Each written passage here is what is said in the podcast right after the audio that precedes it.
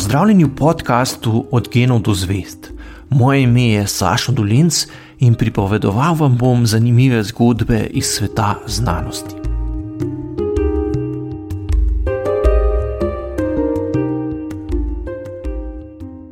Verjetno se nam je vsem že kdaj zgodilo, da smo se z znanci zapletli v pogovor o pomembni temi, nam kljub intenzivni izmenjavi argumentov nikakor ni uspelo zbližati stališč. Čeprav smo se sprva trudili, da bi argumente prikazali čim bolj nazorno in razumljivo, smo s časoma ugotovili, da dodatni dokazi ne bodo prav nič pomagali pri premagovanju razlik v naših pogledih. Situacije, ko debata ne napreduje več, običajno nastanejo takrat, ko imajo sogovorniki do predmeta pogovora močan čustveni odnos. Resničnost idej namreč ni nujno najpomembnejši kriterij, po katerem jih ljudje vrednotijo. Ideje ne nosijo nujno le pomena, ampak se lahko na nje navezuje tudi družbeni status in še marsikaj drugega, kar za racionalno razpravo ni bistveno, ima pa velik pomen za sodelujoče v debati. Spoštovanje in odobravanje, ki nam jo izkazujejo prijatelji, znanci in avtoritete, sta za naše možgane izjemno pomembni. Če človeški možgani predvidijo, da bodo za zagovarjanje določenega prepričanja nagrajeni, se z veseljem odzovejo. Pri tem jim je dokaj vseeno, ali bodo pozitivno spodbudo prejeli, ker se niso zmotili, ali ker jih bodo pohvalili vrstniki. Ker so naši predniki živeli večinoma v manjših skupnostih, v katerih sta usamitev ali izločitev lahko pomenila smrtno obsodbo, so se človeški možgani temu prilagodili. Pripadnost skupini lahko zato vrednotijo močneje kot zavezanost resnici.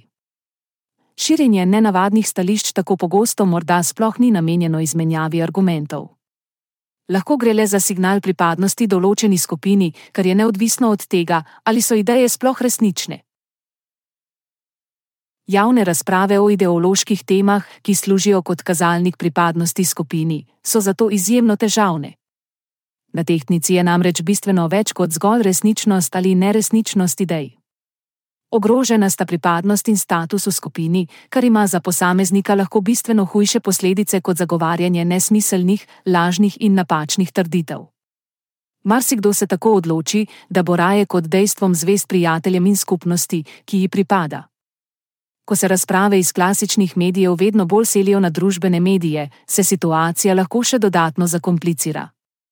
Poleg čustev in signaliziranja lojalnosti skupini se v izmenjavo in vrednotenje idej upletejo še algoritmi, ki dajo prednost objavam, ki sprožajo burnejše odzive. Opazimo namreč lahko, da so na družbenih omrežjih v povprečju bistveno več pozornosti kot zmerne objave deležni zapisi, ki vzbudijo veliko čustev. Zelo popularne so tako objave, v katerih se avtori izgražajo nad čudaškimi stališči skrajnežev iz nasprotnega tabora, kar po eni strani signalizira pripadnost, saj se smešenjem distancirajo od čudaške ideje, po drugi strani pa čudaške ideje ravno z zgražanjem dodatno promovirajo in ohranjajo pri življenju med drugim tudi zaradi pospešenega širjenja objav, ki ne prikazujejo tipičnih, ampak izrojene različice idej in stališč. Chris Bale v knjigi Breaking the Social Media Prism ugotavlja, da vidijo uporabniki družbenih medijev svet skozi nekakšno medijsko prizmo, ki dodatno podžiga ekstremizem. Ob tem opozarja, da moramo biti pri iskanju krivcev za situacijo pazljivi. Pogosto se zadovoljimo že z razlago, da so za polarizacijo krivi algoritmi, ki jih upravlja nekdo dalec stran v Silicijevi dolini. Samodejno prikazovanje objav vsekakor nosi del krivde za polarizacijo, vendar nas ne odvezuje odgovornosti.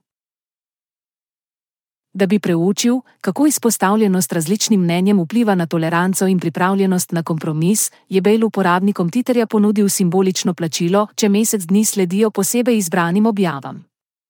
Čeprav udeleženci tega niso vedeli, so morali levo usmerjeni udeleženci eksperimenta slediti računu, ki je redno poobjavljal sporočila desnih politikov in komentatorjev, desni pa so sledili računu, ki je posredoval sporočila levo politično opredeljenih osebnosti.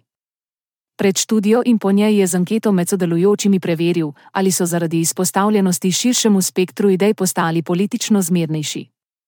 Presenetljivo je ugotovil, da se je ideološka polarizacija med eksperimentom le še dodatno povečala. Kot je pojasnil, zgolj izpostavljenost različnim mnenjem ne vodi nujno do večje tolerance in pripravljenosti na kompromis. Zato se mu zdi pomembno, da iščemo načine, kako bi lahko izboljšali raven javne razprave na družbenih omrežjih, ki so postala pomemben del izmenjevanja informacij in stališč v sodobni družbi.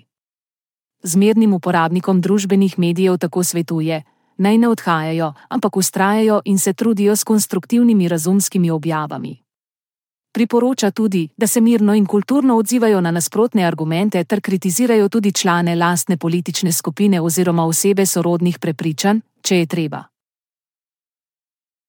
A ne glede na stanje javne razprave o večini za skupnost pomembnih vprašanj, bi se morala biti zdrava družba zmožna organizirati na način, da vsaj pri najpomembnejših eksistenčnih in razvojnih vprašanjih ne bi zapadla v polarizacijo, ki onemogoča konstruktivno izmenjavo argumentov in iskanje soglasja prilagajanje na podnebne spremembe, skrb za zdravo okolje in kakovost javnih storitev ter učinkovito spopadanje z epidemijo so cilji, glede katerih bi morala vsaka zrela skupnost najti soglasje.